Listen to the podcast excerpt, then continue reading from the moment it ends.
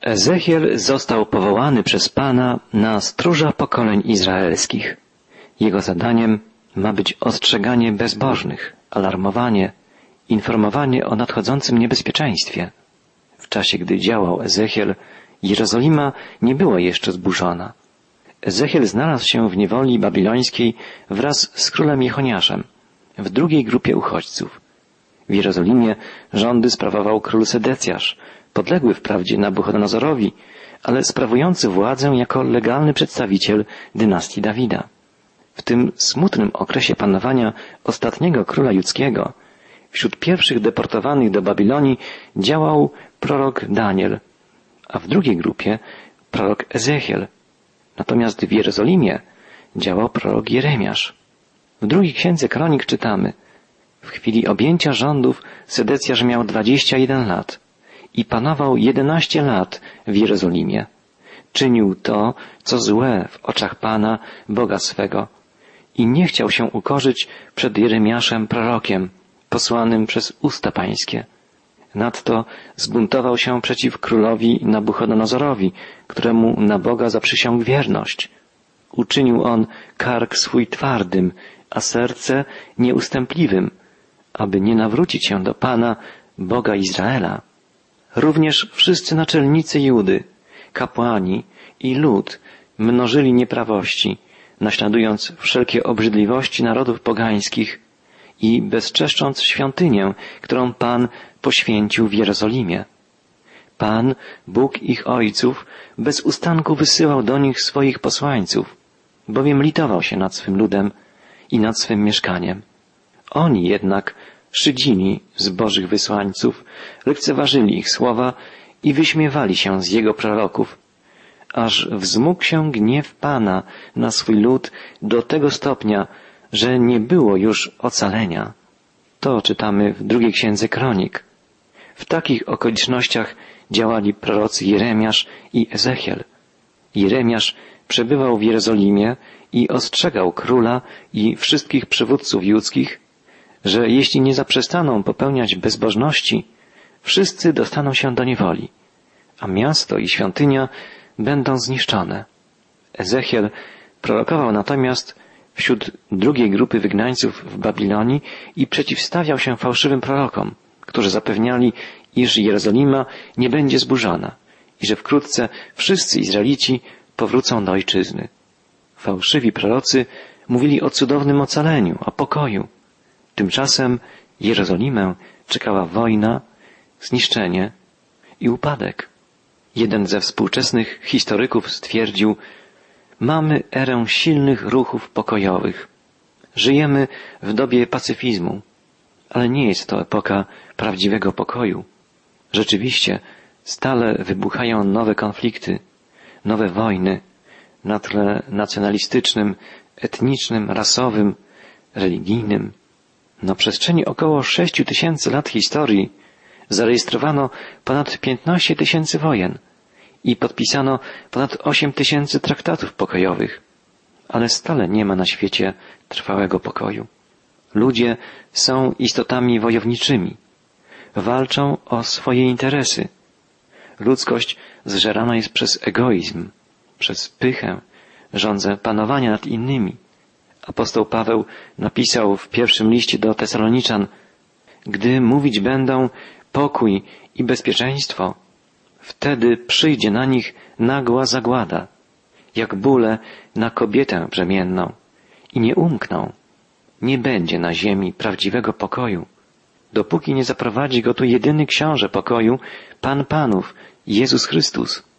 Ezechiel otrzymuje polecenie, by ukazać swemu ludowi prawdę, że nie będzie pokoju w Jerozolimie, że miasto i świątynia zostaną zniszczone. Od początku czwartego rozdziału Księgi Ezechiela czytamy Ty, synu człowieczy, weź sobie tabliczkę glinianą, połóż ją przed sobą i narysuj na niej miasto Jerozolimę. W starożytnej Babilonii zapisywano informacje na glinianych tabliczkach. Archeolodzy odnaleźli w wykopaliskach wiele takich tablic z zapisanymi na nich tekstami. Ezechiel ma na glinianej tabliczce wyrysować kontury Jerozolimy.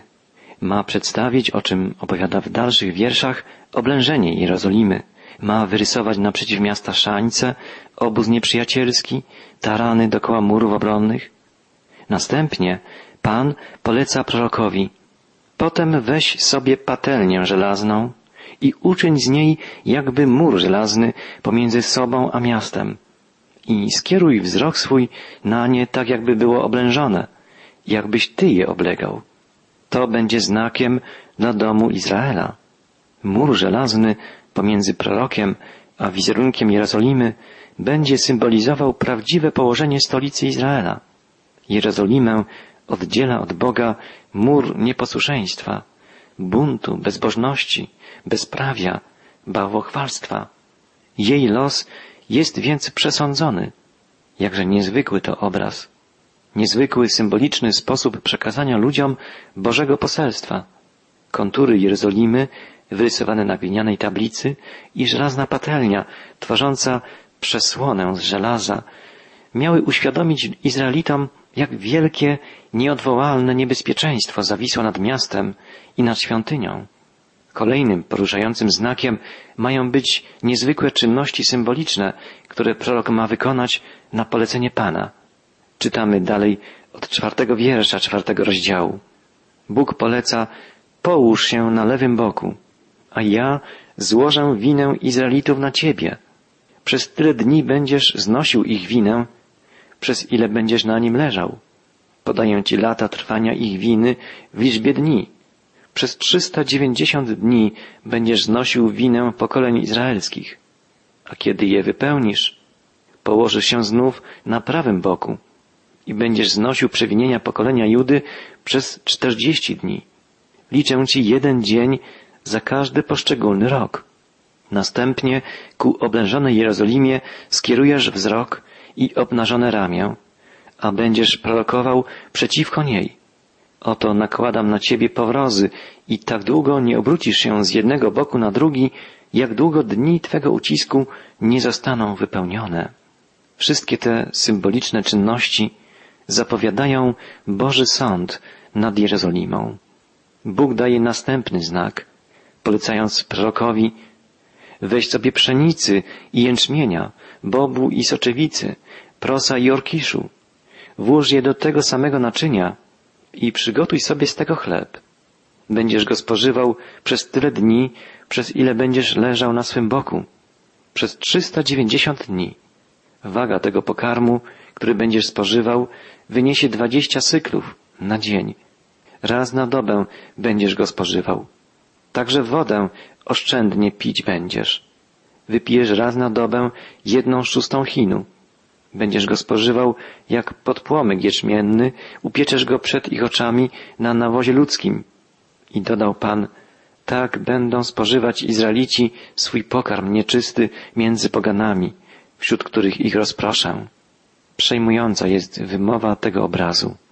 Zapowiedź niewoli, poniżenia, pohańbienia ludu izraelskiego.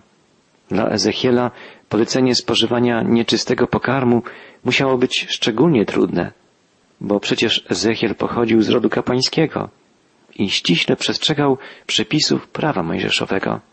Na to rzekłem, ach, Panie Boże, oto dusza moja nigdy się nie splamiła. Od dzieciństwa aż do tej pory nie spożywałem ani padliny, ani tego, co zostało rozszarpane. Żadne mięso nieczyste nie weszło do moich ust. A on rzekł do mnie, patrz, zezwalam ci, byś upiekł sobie pokarm na nawozie wołowym zamiast na ludzkim. Następnie rzekł do mnie, synu człowieczy, oto złamię podporę chleba w Jerozolimie, tak, że pełni zgryzoty będą jedli chleb ściśle odważony i ze strachem będą pili wodę ściśle odmierzoną. Dlatego, aby cierpiąc niedostatek chleba i wody, jeden po drugim omdlewali i niszczeli w swych grzechach. Z powodu grzechu, z powodu bezprawia, z powodu odstępstwa od Boga, mieszkańcy Jerozolimy zostaną osądzeni, będą cierpieć głód tak dotkliwy, że w czasie długotrwałego oblężenia miasta będą spożywać nawet mięso ludzkie.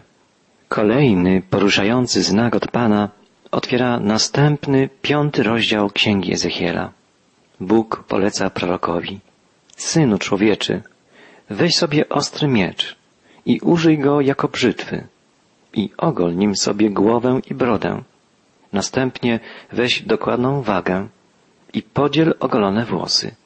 Jedną ich część spalisz w ogniu w obrębie miasta, gdy nadejdą dni oblężenia. Potem weźmiesz następną część i posiekasz ją mieczem dokoła, a trzecią część rozrzucisz z wiatrem, ponieważ miecza dobędę na nich. Weź z nich tylko małą ilość i zawiń w poły swego płaszcza. Jaki jest sens tego niezwykłego polecenia? Ezechiel ma ogolić głowę i brodę, a tego przecież nigdy jako kapłan nie czynił.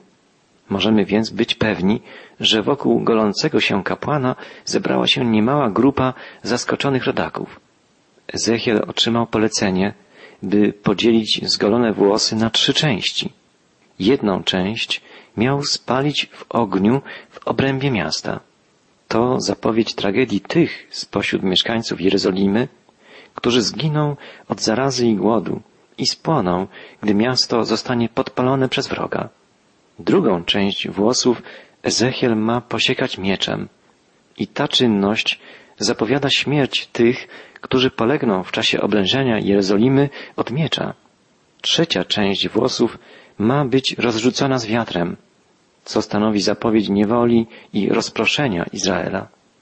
Tylko małą cząstkę, resztkę włosów prorok ma zawinąć w poły swego płaszcza.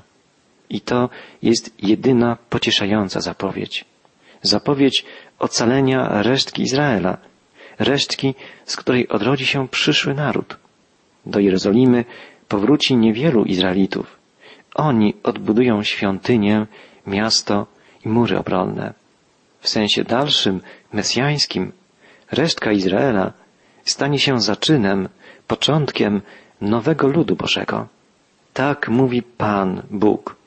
Oto jest Jerozolima, którą umieściłem między poganami, otoczona obcymi krajami, ale wystąpiła przeciw moim prawom z większą przewrotnością aniżeli poganie i przeciw moim ustawom bardziej aniżeli kraje, które ją otaczają, ponieważ wzgardzili Izraelici moimi prawami i nie postępowali według moich ustaw.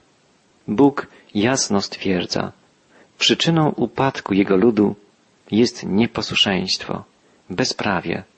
Dlatego tak mówi Pan, Bóg, ponieważ byliście bardziej zbuntowani niż poganie, którzy was otaczają i nie postępowaliście według moich ustaw i nie strzegliście moich praw, a nawet nie przestrzegaliście praw narodów, które was otaczają, dlatego tak mówi Pan, Bóg. Oto i ja występuję przeciwko Tobie i na oczach pogan wykonam na Tobie wyrok. Z powodu Twoich obrzydliwości dokonam na Tobie tego, czego nigdy nie czynił i już nigdy nie uczynię. Dlatego ojcowie będą jedli synów pośrodku Ciebie, a synowie jeść będą swoich ojców. Wykonam nad Tobą sądy. Wszystkie resztki Twoje rozsieję na wszystkie wiatry. Dlatego na moje życie wyrocznia Pana Boga oświadczam, ponieważ świątynię moją splugawiłaś wszystkimi Twoimi ohydami i wszystkimi Twymi obrzydliwościami. Ja także odrzucę bez oglądania się na litość, ja także nie będę oszczędzał.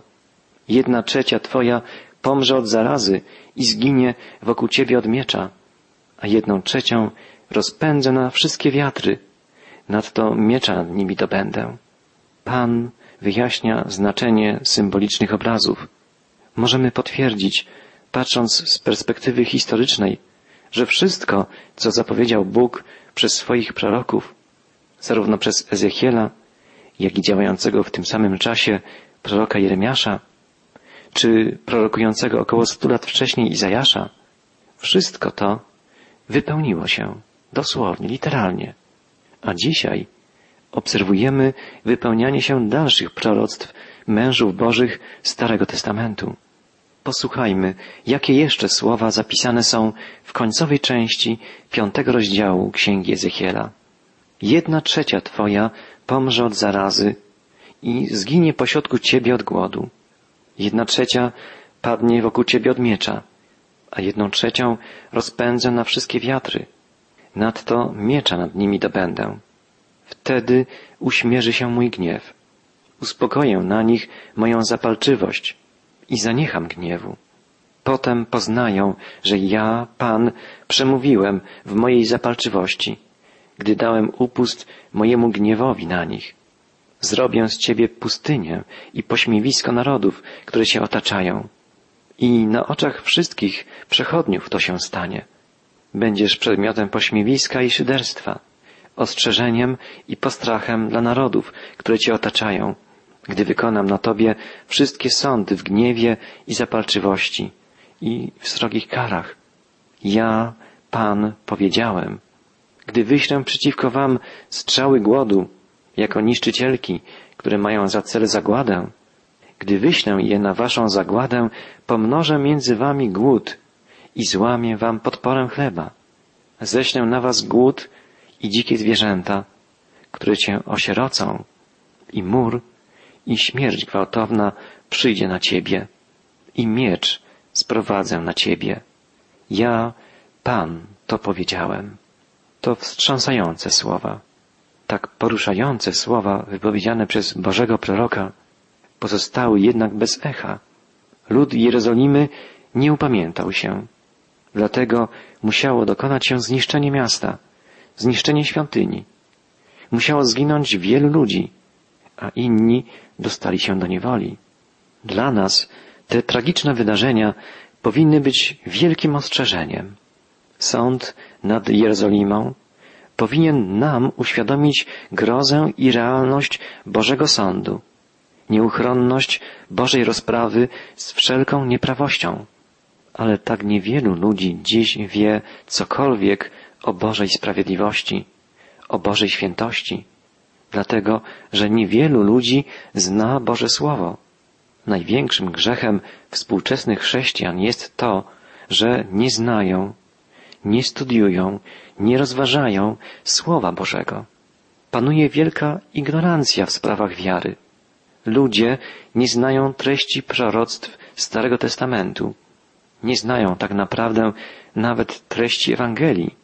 Nie znają słów Jezusa, ani nauczania Jego apostołów. Dziwimy się czasem, gdy widzimy ignorancję Izraelitów, gdy słyszymy, że odrzucali oni kolejnych Bożych posłańców, Izajasza, Jeremiasza, Ezechiela, ale my postępujemy podobnie, a nawet jeszcze gorzej. Nie chcemy słuchać największego, najważniejszego posłańca, Bożego Syna, Chrystusa. Drodzy przyjaciele, kiedy rozpocznie się Boży Sąd, kiedy Chrystus ponownie stąpi na ziemię, tym razem w mocy i chwale, będzie za późno, by podjąć decyzję, że chcemy żyć u Jego boku. Biblia mówi, oto teraz czas łaski, oto teraz dzień zbawienia i wzywa nas dziś, jeśli Jego głos słyszycie, nie zatwardzajcie waszych serc. Bóg wzywa nas. Jeśli dziś słyszysz Jego głos, nie zwlekaj. Otwórz serce na Jego słowo. Skorzystaj z czasu łaski, który trwa. Bóg jest miłością. Kocha każdego z nas, ale jest też Bogiem sprawiedliwym, Bogiem świętym. Jeśli nie odpowiesz na Jego miłość, jeśli nie pozwolisz, by obmył cię z grzechu, nie będziesz ocalony. Spotka cię Boży Sąd. Boży Sąd jest nieuchronny, ale ty możesz go uniknąć, gdy powierzysz ster swego życia Zbawicielowi, Jezusowi.